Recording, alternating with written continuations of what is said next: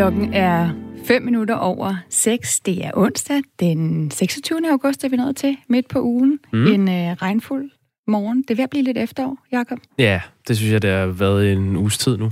Men sådan er det. Det synes jeg er okay. Sommeren er slut, nu skal vi alle sammen i gang. Og ja. det skal vi også med Radio 4 morgen, hvor vi har øh, de vigtigste og mest interessante historier for dig de næste tre timer. Der er dækket rigtig godt op den her morgen. Øh, vi skal blandt andet forbi en historie om øh, det bosted, der hedder Schuberts Minde, der ligger i Ringkøbing. Øh, det er et sted for udfordrede børn i alderen 6-17 år, som er blevet anbragt der af en eller anden årsag. Nogle er blevet tvangsanbragt.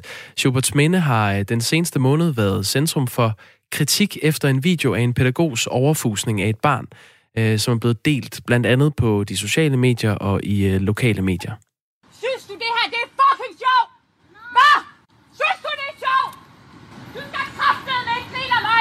Ja, det var et lille klip fra den optagelse, som øh, et barn på Schuberts Minde har lavet med sin telefon, og forstanderen på det her bosted, Schuberts Minde, har siden beklaget episoden, kaldt det en fejl, men også øh, kaldt det øh, misvisende for, hvordan forholdene ellers er på øh, Schuberts Minde. Og i mellemtiden så er Socialtilsynet gået i gang med nærmere undersøgelse af, hvordan øh, det er at være på Schuberts Minde for børnene. Her til morgen, der bringer vi interviews med to unge piger, tidligere beboere på øh, Schuberts Minde, som er kritiske over for det her bosteds metoder. Det kan du høre mere om om en halv time. Ja, og mens coronavaccinekapløbet er i gang over hele verden, og vi alle sammen krydser fingre for en vaccine, der snart kan sætte en stopper for den her epidemi, ja. så er en mand øh, blevet smittet med corona to gange. Og ja, den historie med øh, folk, der er blevet syge med corona to gange, det er, den er blevet fortalt rundt om i verdens medier, øh, nærmest fra coronaen startede, uden at de historier altså var helt troværdige. Men den her gang, der skulle den være god nok. Det mener i hvert fald vores øh, helt egen epidemi- epidemiolog herhjemme, Christian Weise. Han har set mandens data. Hvad betyder det for coronavaccinen? Det spørger vi Christian Weise om 20 minutter over syv. Og det er altså på en morgen, hvor vi øh, også har øh, en historie om øh, den hurtigste vej frem, kan man sige. Øh, vil man helst køre en kortere gratis rute, eller en længere dyrere rute, når man er ude og, og køre? Nok det første, tænker jeg. Alligevel har Vejdirektoratet valgt at erstatte de skilte, der viste mod en gratis rute, med skilte, der viser mod en betalingsbro.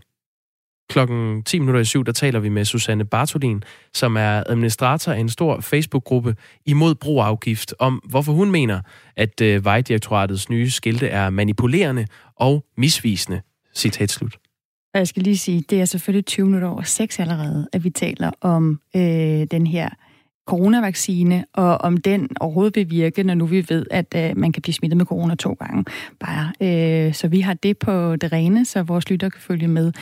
I studiet her til morgen er det Stine Krohmann Dragsted og Jakob Grosen. Nu er klokken blevet 8 minutter over 6.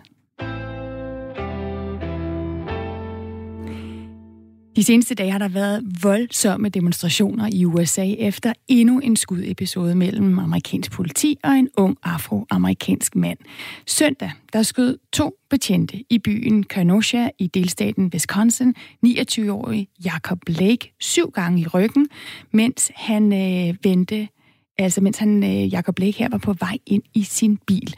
Episoden den blev optaget på video af nogen, der, der så på den, og den har hurtigt spredt sig på nettet og sat gang i en ny bølge af demonstrationer i USA mod politivold og racediskrimination.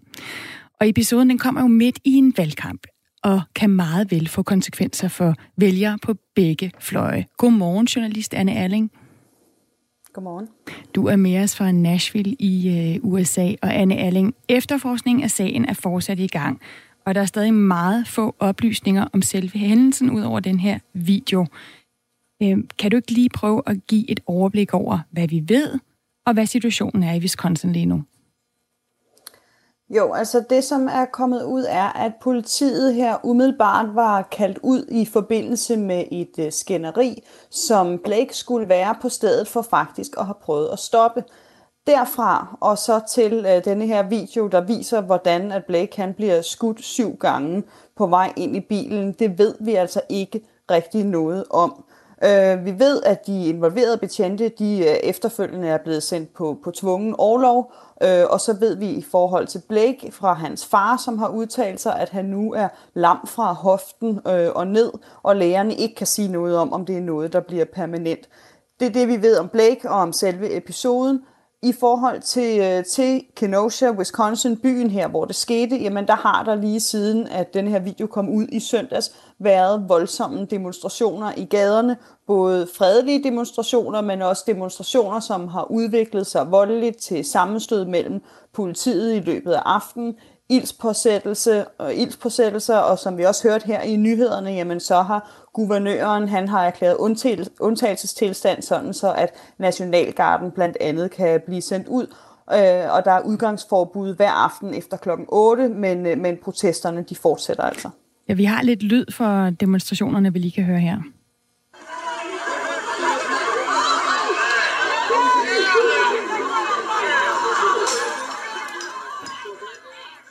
Og øh, man kan også høre, hvis vi lige spiller et andet klip, øh, her er det folk, der smadrer biler i øh, Kenosha.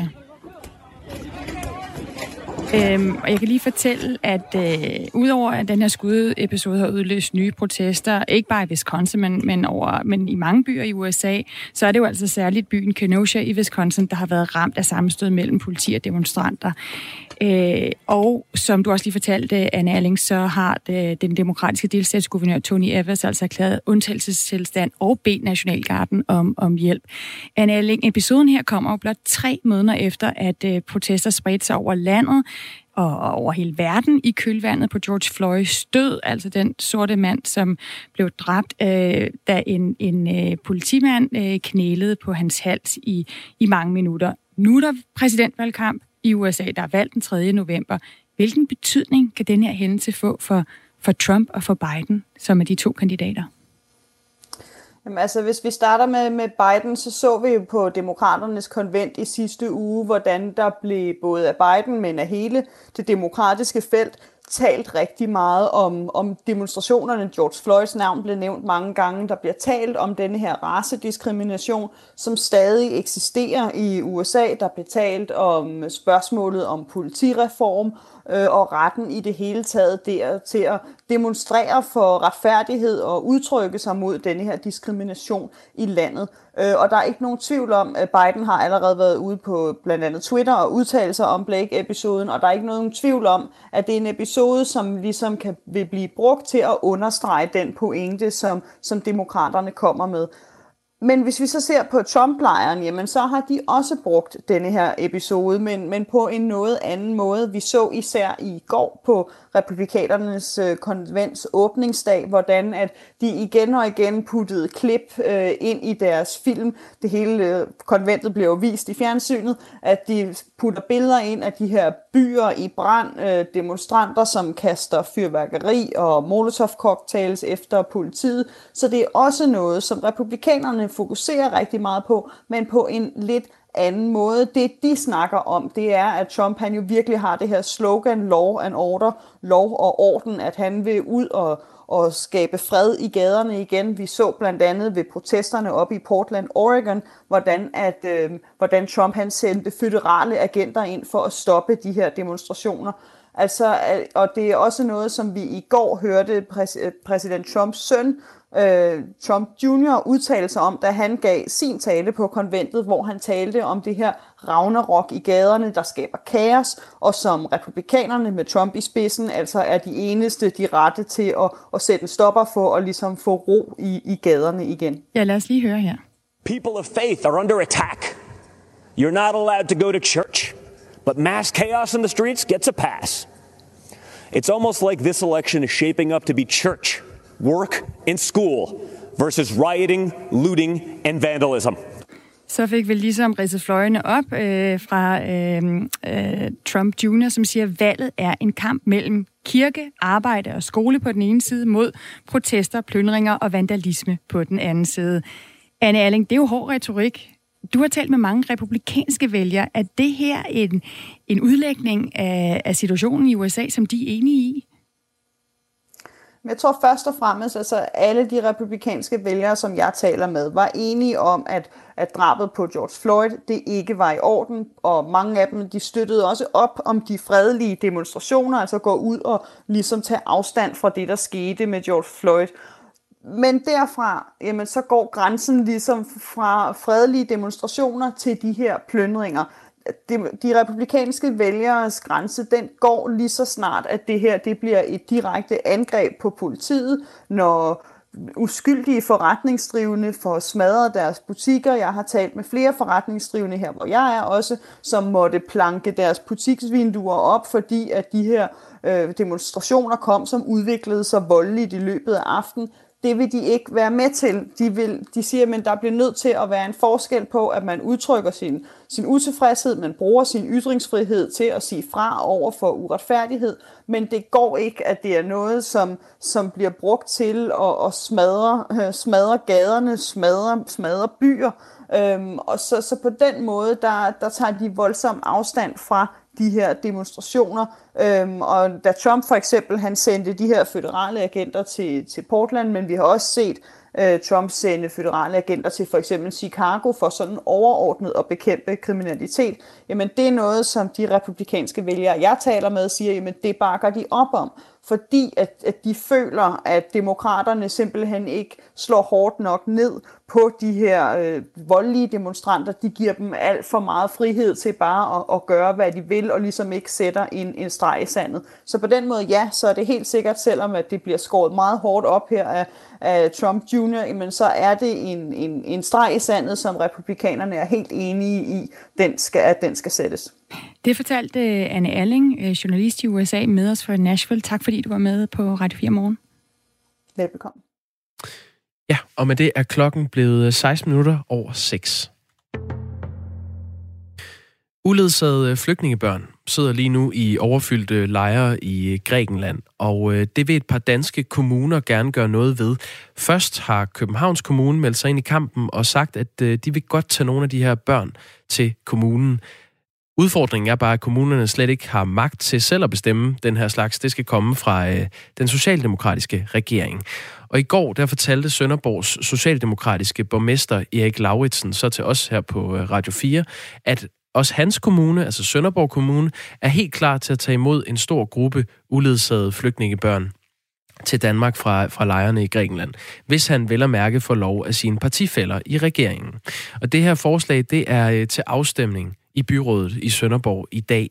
Borgmester Erik Lauritsen øh, mener selv, at et flertal er klar til at, at bakke op omkring hans holdning til det her i byrådet. Øh, men synes befolkningen i Sønderborg, at det er en god idé? Det er spørgsmålet. Øh, vil man gerne modtage uledsagede flygtningebørn fra Grækenland i Sønderborg Kommune? Det har vores øh, reporter Gustav Pors undersøgt på gaden i den sønderjyske by Sønderborg, øh, og det lød sådan her. Egentlig så synes jeg, at ideen er god nok. Jeg har ondt af, af, de, af mange af de børn, så hvis man kan gøre noget godt for dem, så er det egentlig ok, ja. Jeg synes da ikke, at de behøver at tage dem alle sammen. jeg synes så godt, de kunne fordeles lidt. Men at der kommer nogen her, ja, ok. Vil du have nogen af de her forældreløse flygtningebørn til at bo hos dig? Ah, nu er vi så gamle, så det tror jeg er helt ude. altså, det, vi er over 80, så det du altså ikke. Nej. Nej, det vil jeg nok ikke. Det vil de heller ikke synes var en god idé. Ja da, det ville da være mega fedt at kunne få integreret dem. Helt sikkert. Hvis der er plads til det.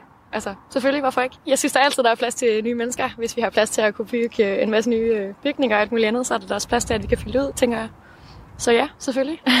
Vil du være åben for at, at øh, åbne dit hjem for nogle af de her børn? Altså nu kan man sige, at jeg er 24 år, og jeg er studerende. Så mine muligheder for at kunne give sådan optimal sådan øh, ja, mulighed for at kunne øh, åbne mit hjem op for andre er der måske ikke, men øh, havde jeg muligheden for det, så synes jeg helt sikkert, at det var noget, man skulle gøre. Hvis ikke andet kan man jo opfordre sine forældre til det, som har muligheden for det.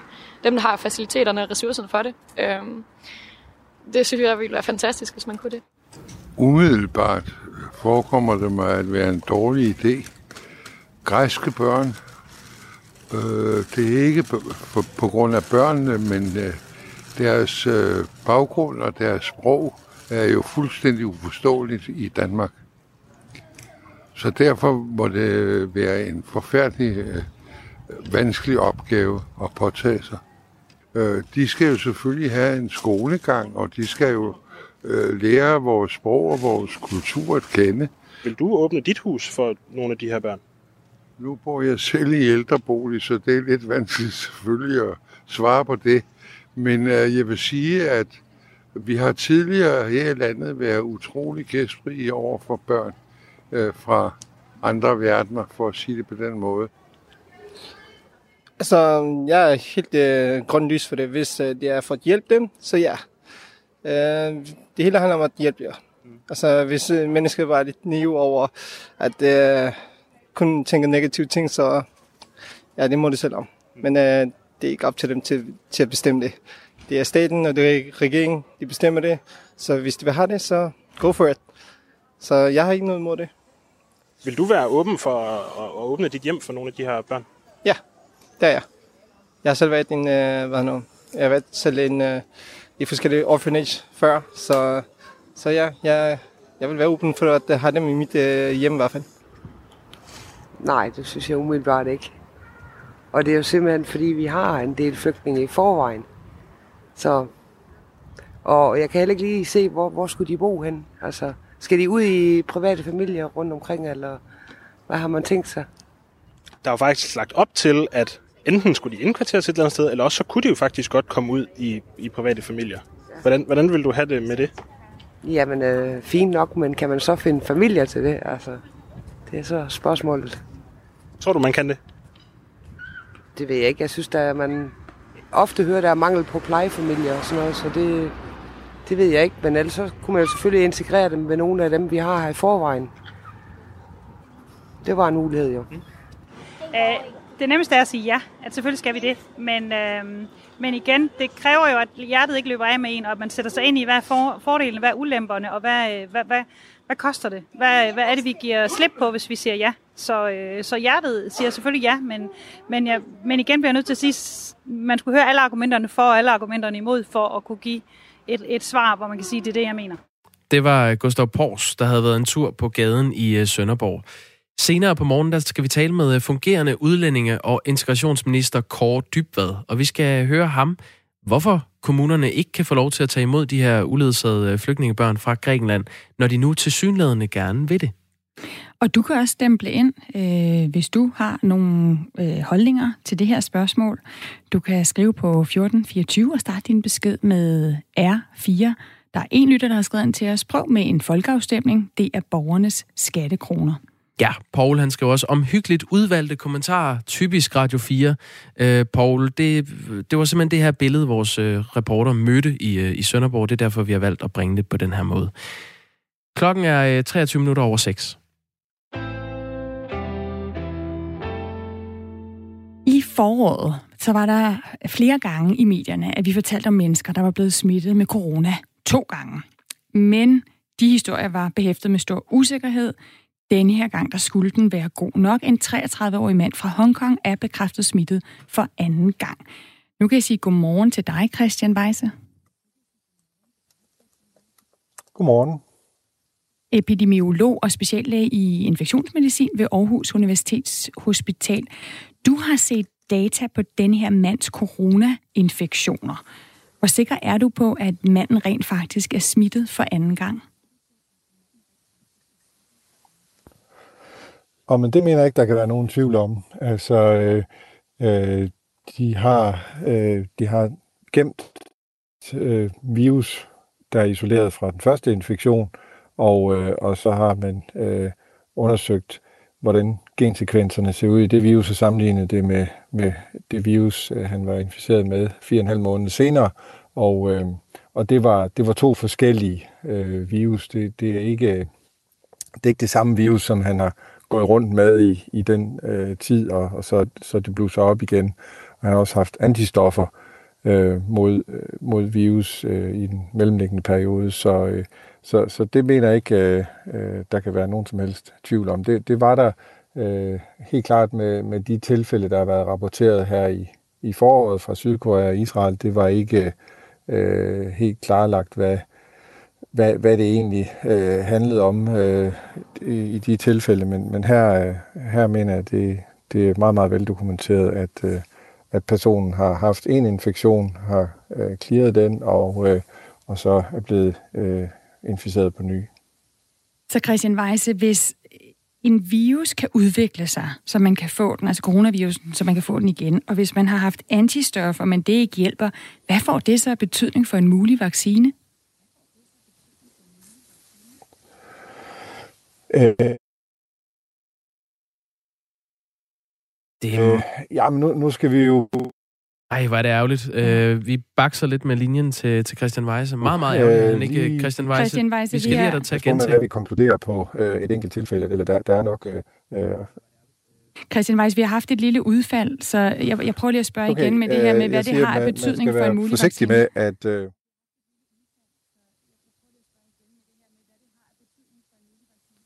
ja, altså... Øh, jeg synes, man skal være forsigtig med at konkludere på et, et enkelt tilfælde. Altså, vi ved øh, også fra andre infektioner, at, øh, at selvom man, man for nogle infektioner siger, at det kan man ikke få igen, øh, så ser vi det alligevel ske indimellem. Øh, så, øh, så det er klart, at, at når vi har øh, millioner af, af, af mennesker der over hele verden, der har været smittet, øh, så, øh, så kan der sagtens forekomme øh, særlige tilfælde. Øh, men, øh, men altså, det er klart, at hvis det er øh, et udtryk for, øh, at vi generelt har en meget kortvarig immun, immunitet mod øh, coronavirus, så, øh, så, er det jo, så er det jo dårligt nyt, kan man sige. Og, og det, det, det kan det godt være et udtryk for. Altså, vi ved, øh, at de her forkølelsesvirus, coronavirus, som, øh, som øh, cirkulerer, som øh, vi kan få hvert år, dem har vi en meget, meget kortvarig øh, immunitet overfor, selvom vi, vi danner antistoffer mod dem. Øh, og det betyder, at, øh, at de, øh, de der coronavirus, der giver forkølelse, de kan cirkulere øh, jorden rundt hver år. Og, øh, og, og det er selvfølgelig øh, rigtig ærgerligt, hvis, øh, hvis det også er tilfældet med øh, SARS-CoV-2, den coronavirus, der, der giver covid-19. Øh, men øh, men, men det, det tror jeg, det er for tidligt at, at konkludere på, på nuværende tidspunkt. Vi taler altså med Christian Weise, som er epidemiolog og speciallæge i infektionsmedicin ved Aarhus Universitets Hospital. Og det gør vi jo, fordi at der er nu, det er blevet bekræftet, at øh, en 33-årig mand fra Hongkong er blevet smittet for anden gang med coronavirus. Christian Weise, betyder det så, at folk i Danmark, der har haft corona, er lige så udsatte som folk, der ikke har haft smitten? Øh, jamen, øh, må, altså, måske, men, øh, men som sagt, det kan vi ikke vide ud fra, øh, fra, fra et enkelt tilfælde. Øh, men men øh, øh, det, er, det er muligt, at, øh, at, at den øh, immunitet, vi, vi danner, den er, den er kortvarig, altså det, øh, på, på, på få måneder. Og det vil sige, øh, hvis det er tilfældet, ja, så, øh, så kan man altså nogle måneder efter, man har haft øh, covid-19, øh, risikerer at få det igen. Men øh, det kan også godt være sådan, at, øh, at det er meget forskelligt.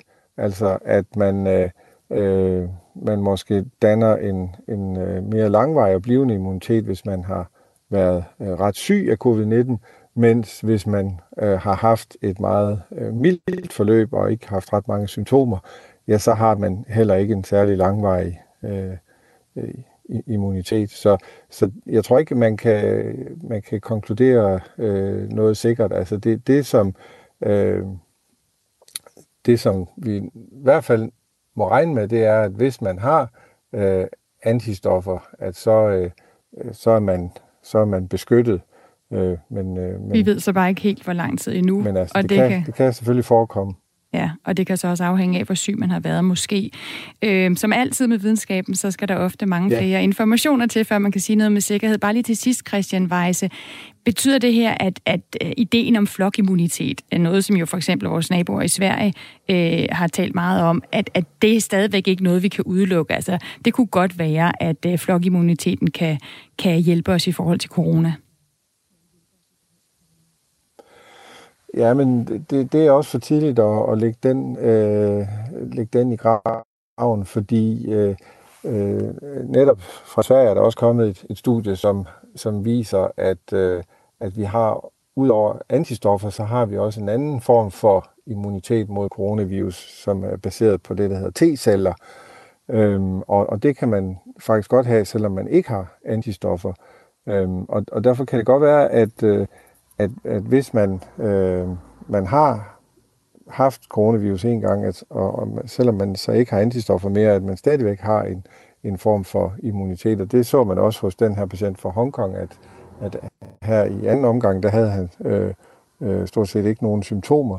Så, øh, så det, kan godt, øh, det kan godt være, at, at der er øh, en, en form for immunitet, som gør, at, øh, at man er man er i hvert fald delvist beskyttet. Men Christian Weise, vi har ramt problem, øh, kan... nyhederne, så nu øh, må, det må vi desværre stoppe debatten om immunitet og vaccine i forhold til det her med corona. Nu klokken halv syv.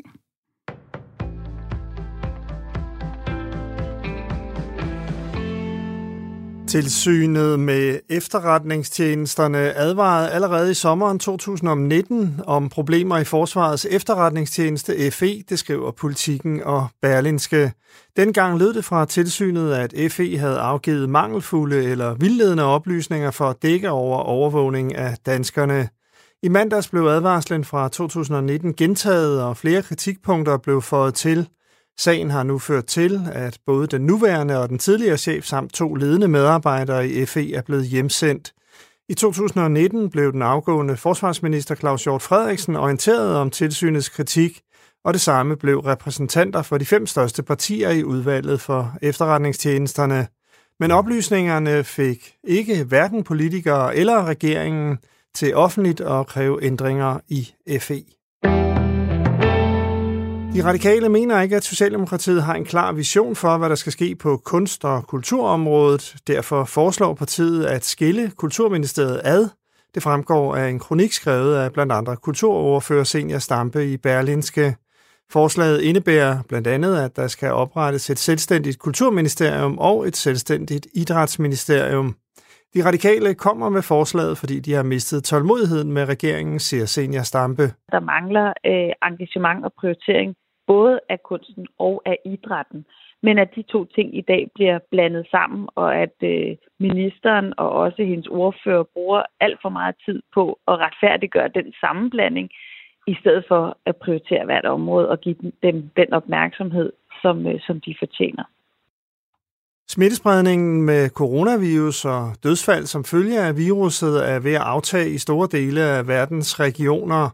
Ifølge tal fra WHO er antallet af smittede og døde især på tilbagegang i de hårdt ramte lande i Nord-, Central- og Sydamerika og i Afrika. WHO har i ugen op til den 23. august registreret 1,4 millioner nye tilfælde af coronavirus og næsten 40.000 dødsfald på verdensplan. Det er et fald på 5% i antallet af smittetilfælde og 12% i antallet af dødsfald i forhold til ugen før. Wisconsins demokratiske guvernør, Tony Evers, har erklæret undtagelsestilstand i den amerikanske delstat. Erklæringen kommer, mens myndighederne i aftes forberedte sig på endnu en nat med uroligheder i byen Kenosha, efter at en 29-årig sort mand i søndags blev skudt i ryggen af politiet. Siden har der været protester i byen, fortæller journalist i USA, Anne Alling. Både fredelige demonstrationer, men også demonstrationer, som har udviklet sig voldeligt til sammenstød mellem politiet i løbet af aftenen, ildspåsættelse og ildspåsættelser, og så har guvernøren, han har erklæret undtagelsestilstand, sådan så at Nationalgarden blandt andet kan blive sendt ud, øh, og der er udgangsforbud hver aften efter klokken 8, men, øh, men protesterne de fortsætter altså. USA's første dame, Melania Trump, sender sine kondolencer til de amerikanere, der mistede livet under coronapandemien. Det siger første damen i sin tale fra Rosenhaven i det Hvide Hus, under republikanernes konvent. My deepest sympathy goes out to everyone who has lost a loved one, and my prayers are with those who are ill or suffering. I talen siger Melania, at hendes mand Donald Trump vil gøre alt, hvad han kan for at tage sig af alle, der er påvirket af den forfærdelige pandemi. Donald will not rest until he has done all he can to take care of everyone impacted by this terrible pandemic. Skyde med regn eller byer det meste af dagen, men også lidt sol, 15-20 grader og lidt til frisk vind omkring øst.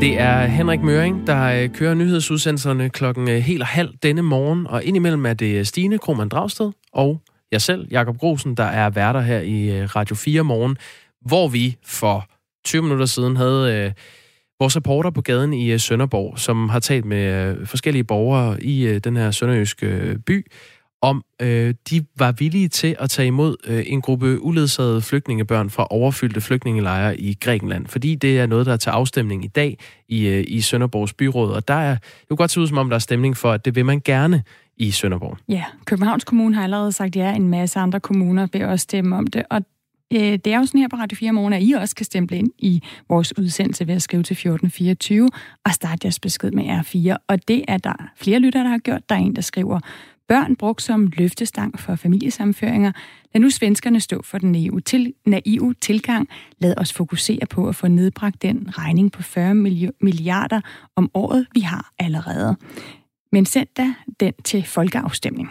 Ja, det er der også en anden, der skriver her. Prøv med en folkeafstemning, det er borgernes skattekroner.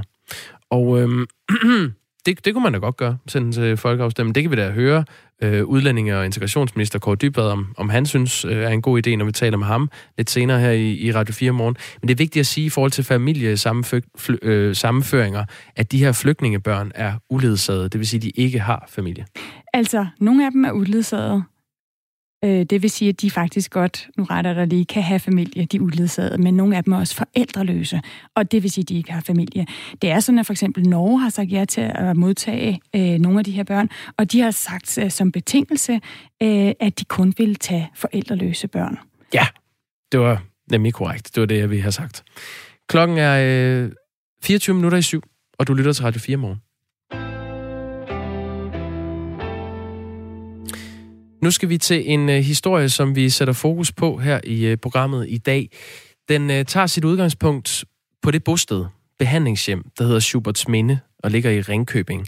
Øh, det sted er den seneste måned blevet centrum for kritik efter en video af en pædagogs øh, verbale overfusning af et barn er blevet delt på Facebook og i lokale medier i, øh, i slutningen af juli øh, for en lille måned siden. Schuberts Minde ligger i naturskønne omgivelser ned til Ringkøbing Fjord, og så er det altså hjem for øh, udsatte og udfordrede børn øh, med forskellige øh, udfordringer i alderen 6 til 17 år. Og de er af forskellige årsager blevet anbragt og Nogle af dem er blevet tvangsfjernet fra, fra deres familier. I den her lækkede video fra stedet, der kan man høre en pædagog råbe ophidset af barnet, og det skal vi lige høre, hvordan det lød. Synes du, det her det er fucking sjovt? Hvad? Synes du, det er sjovt? Du skal kraftedeme ikke grine af mig! I stuen! Så kommer jeg med! Du er med op! Nu skal du ikke lade mig være! Nej, fordi du forstyrrer de andre! Du ødelægger deres andre ferie! Så er helt i dit telt, eller bare i stuen! Nej! Jo! Synes du det her det er fucking sjovt, var? Synes du det er sjovt? Du skal kraftede med ikke grine af mig. Gå ind i stuen eller gør, som jeg beder dig om. Nu er det kraftede med nok, siger pædagogen. Så siger barnet altså, nu skal du altså lade mig være. Så siger pædagogen, nej, for du forstyrrer de andre. Du ødelægger deres sommerferie, gå ind i dit telt eller gå ind i stuen, og det svarer barnet så igen nej til. Det er jo øh, tydeligvis meget ophidset, lyden er sådan lidt grynet, fordi det er optaget af et andet barn øh, på den anden side af en teltdu.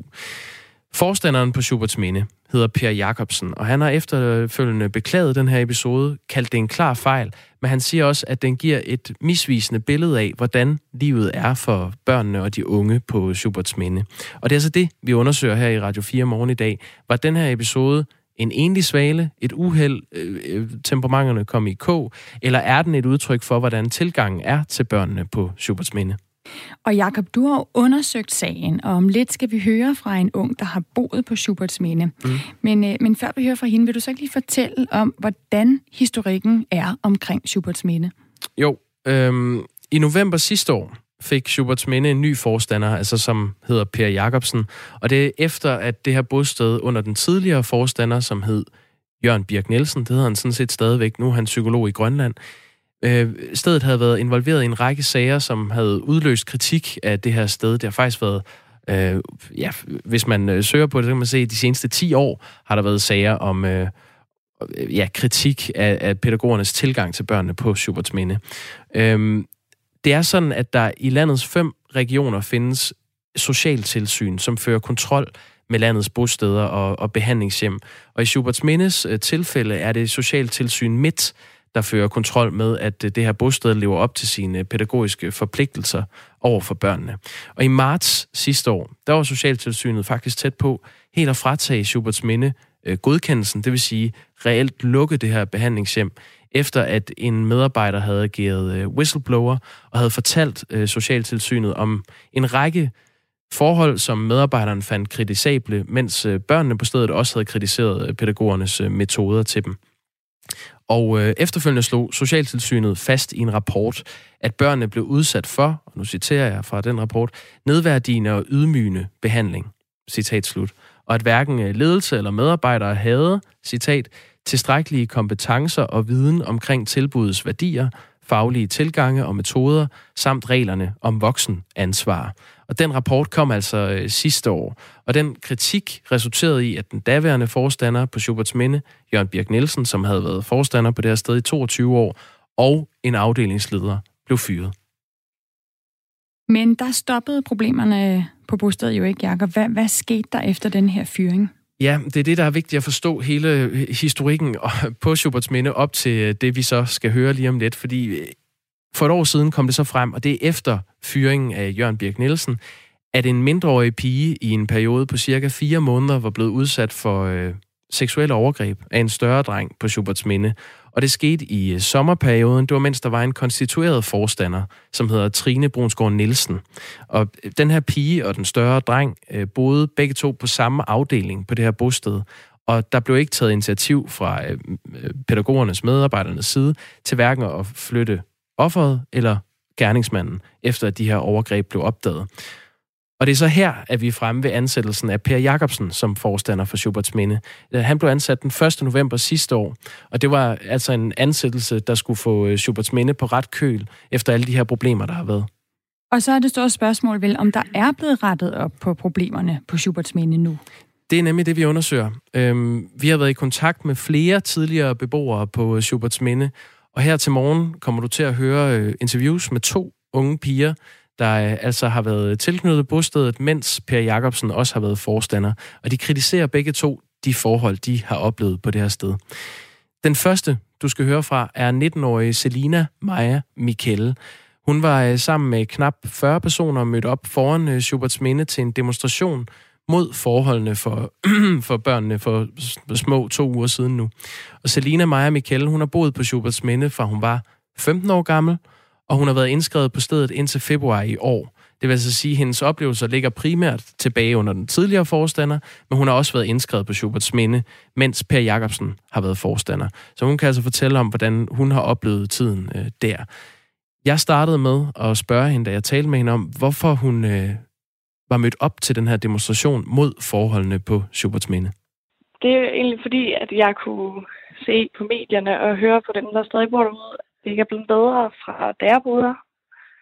Øh, og så især den her episode med den her pige, der er blevet voldtaget en anden døde, øh, hvor pædagogerne har sagt til hende, at det er hendes egen skyld. Øh, det gør ondt i hjertet på hende, og så synes man, det er forkert og vil gerne kunne gøre noget ved det. Hende her, Selina Maja Mikkel, hun var øh, 15 år gammel og gik på kostskole, inden hun flyttede ind på øh, Schuberts Minde i 2016. Og det var altså under den tidligere forstander, Jørgen Birk Nielsen. Og der var en, en helt særlig grund til, at hun blev placeret på Schuberts Minde dengang. Det fortæller hun her. Det øh, var fordi, da jeg gik på kostskole, der øh, blev jeg seksuelt misbrugt af en af mine venner. Øh, hvor jeg så efterfølgende blev smidt ud, fordi ja, jeg var lidt af mig Øh, og så skulle øh, kommunen finde et sted til mig, hvor jeg kunne få noget hjælp med det her. Så jeg kunne komme over det og kunne få noget liv, da der startede en person, eller udviklede en personlighedsforstyrrelse mig. Så du blev udsat for et seksuelt overgreb på den kostskole, du gik på, øh, da du var 15, og så kom du ind på Schuberts Minde for at, øh, at bearbejde det traume og komme på ret køl igen? Ja. Hjælp de næsten fire år på Schuberts Minde der til det? Nej, det gjorde de. Hvorfor ikke? Det, øh, altså, øh, det gik lang tid før, at jeg overhovedet fik nogle psykologsamtaler. Øh, og det var den daværende forstander Jørgen, der var psykolog. Øh, og han, jeg synes ikke, han var behagelig at snakke med. Jeg synes, det var svært at skulle sidde og snakke med, om de ting med ham. Øh, man kan sige, når man har udsat for noget, så mister man meget øh, tillid til ja, især mænd. Og så autoriteter og sådan noget, fordi jeg følte, at jeg var også blevet svigtet af alle de autoriteter derude, ved at der ikke var nogen, der gjorde noget ved det. Det var behageligt, at jeg skulle se ham hver dag, altså Jørgen, når jeg skulle sidde og snakke med ham om de ting, så jeg havde svært ved at åbne op om det. På øh, Facebook findes flere grupper, hvor øh, tidligere beboere på Schuberts Minde har samlet sig og deler erfaringer indbyrdes fra, øh, fra det her sted. Og der er der flere, der beskriver, at de har oplevet, at de ikke blev støttet i deres skolegang, og ikke måtte lave lektier, mens de boede på, øh, på Schuberts Minde. Og det er også en oplevelse, Selina Maja Michael øh, har haft. Jamen altså, jeg gik ud på en specialskole, fordi det mente Schuberts Minde var bedst for mig. Øh, fordi jeg har ADHD, så der kunne man lige komme ind der. Øh, men da jeg havde gået det første halvår ud i 9. klasse, der vurderede skolen det bedste for mig være at få taget en 10. klasse op på det, der hedder 10'erne i Ringkøbing. Men øh, det mente Schubers Minde ikke var bedst, fordi de mente, det var nogle dårlige mennesker, der gik derude, og det var et dårligt selskab. Så selvom skolen sagde, at det var det, der var bedst for mig, at de kunne udfordre mig. Og så det med, at øh, ja, Schubers Minde de gav ikke lov til at lave lektier. Og hvordan kom det til udtryk, at du ikke måtte lave dine lektier? Det var, at deres øh, aktiviteter, de var første prioritet. Der var en episode, hvor, øh, hvor de andre børn fik popcorn og øh, skulle genere dig, fordi du gerne ville lave lektier. Det er i hvert fald sådan, du har fortalt mig historien. Hvad, hvad er historien der? Ja, det var, øh, det var en lørdag eller en søndag, i hvert fald en weekend, øh, hvor vi ikke havde så meget, vi skulle lave. Øh, som en pædagogerne, vi skulle over i en halv tæt på og spille noget fodbold og sådan noget. Øh, hvor jeg siger til pædagogen, der var på arbejde, at øh, jeg havde mange lektier for, så dem skulle jeg have lavet. Øh, så jeg, øh, det mente ikke, jeg skulle, så jeg satte mig op mit værelse og lavede mine lektier. Så kom der en pædagog ind og tog min bog, så jeg kunne lave lektier, og satte de andre børn ind på mit værelse, hvor at, øh, de så fik popcorn til at sidde, og de sad i kassen med det og svingte mig til og så spiste det. Og, og så ventede pædagogen egentlig bare til, at jeg fik dårlig samvittighed over, at de andre ikke kunne komme derover, fordi jeg ville sidde og lave lektier, så jeg gik med til at gå derover. Men blev de andre børn simpelthen instrueret i at genere dig, fordi du ikke ville med over at spille fodbold, men hellere lave lektier? Ja, de fik at vide, at øh, det var min skyld, de kunne komme derover, fordi jeg ikke ville, og jeg ville ikke deltage i fællesskabet, og man var egoistisk. Kan det øh, også have været fordi, øh, at de synes på Schuberts Minde, at det er vigtigt, at man deltager i de arrangementer og events, de arrangerer? Ja, men øh, det her, det var jo egentlig bare en almindelig søndag, hvor de gerne ville over at spille noget fodbold. Det var ikke engang de der faste aktiviteter, der lå hver uge. Vi taler altså om Schuberts Minde, fordi stedet har været genstand for kritik efter, at en video af en pædagogs verbale overfusning af et barn blev delt på Facebook og i lokale medier. Og derfor så hører vi nu fra Selina Maja Michele, som altså er tidligere beboer på stedet gennem fire år og under to forskellige forstandere. Når hun tænker tilbage på Schuberts Minde, så husker hun særligt, at hendes udseende er blevet kommenteret af pædagogerne, og at det spillede en rolle i personalets tilgang til hende. Her fortæller hun om en konkret episode? Øh, jeg havde været hjemme på weekend, og så... Jeg kunne godt lide at gå med makeup dengang, så jeg havde makeup på, og så egentlig, som jeg tror, jeg var nok 16 år dengang, der med så får man makeup på, noget pænt tøj og nogle pæne øreringe og sådan noget, synes egentlig selv, man ser pæn ud. Og så, øh, jeg havde de der hoops øreringe som der er mange, der går med stadig. Og så da jeg kom over på Sjøs Minde, fik jeg at vide, at dem skulle jeg tage ud, og dem måtte jeg ikke gå med, for det var luderøring. Hvordan reagerede du på det? Det kunne jeg slet ikke forstå. Og dengang, der var jeg også en pige, der gik altid i lange bukser selv, der var 25 grader, og lange trøjer, helst kravetrøjer. Så jeg følte mig utilpas ved at få at vide, at jeg lignede lyder, og jeg egentlig gjorde alt for at dække min krop til. Og nu kan man sige, nu, nu kom du på Schuberts Minde, fordi at øh, du havde nogle øh, problematikker efter at være blevet udsat for et seksuelt overgreb. Øh, vidste pædagogen, der sagde, at du havde luderøring i ørerne, godt det? Ja, det vidste han godt. Det er også blevet kommenteret, at du, øh, at du gik med makeup. Øh, hvad lå der i det? Øhm, det var, øh, da vi var på koloni i Polen for tre år siden cirka. Øhm, der var der mig og en anden pige, øhm, som mange andre piger gik med makeup og sådan noget. Ikke øh, voldsom makeup, bare sådan et mascara foundation og sådan noget. Øh, og vi ville ikke ud og bade, fordi der kun var 16 grader. Og det var udendørsbadning, og det, det var koldt. Hvor vi så først fik at vide, at det var fordi, at vi ikke ville lægge vores makeup, hvor vi siger, at det er fordi, det er koldt. Øh, og så blev det bagefter lavet om til, at øh, vi, fordi at vi var pæne piger, så øh, var vi dumme. Øh, og vi ville sikkert bare finde en rig mand, der skulle forsørge os, fordi vi kunne ikke finde ud af noget selv. Hvor de bagefter lavede en regel, at øh, vi slet ikke måtte have makeup på. At mig og hende ikke måtte gå med makeup i hvert fald. Hvordan har de her episoder påvirket dig? Altså, jeg synes, det var meget ubehageligt. Jeg stillede også op pædagog. Stillede op som i, enten var man klog, eller så var man pæn.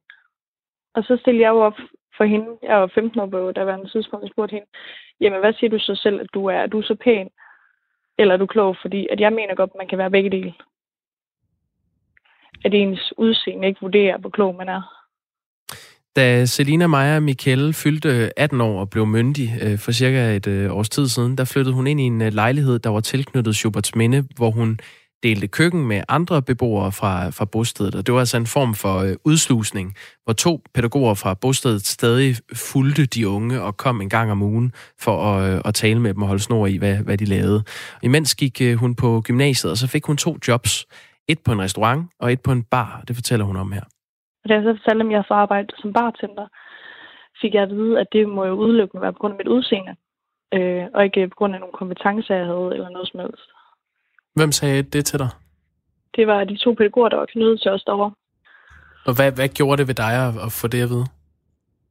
Øh, det blev jeg faktisk meget sur over, fordi at da jeg havde søgt jobbet og var nede til jobsamtale, der fik jeg at vide, at de manglede faktisk ikke nogen. Men de synes, jeg havde meget imponerende CV, og ville rigtig gerne have mig.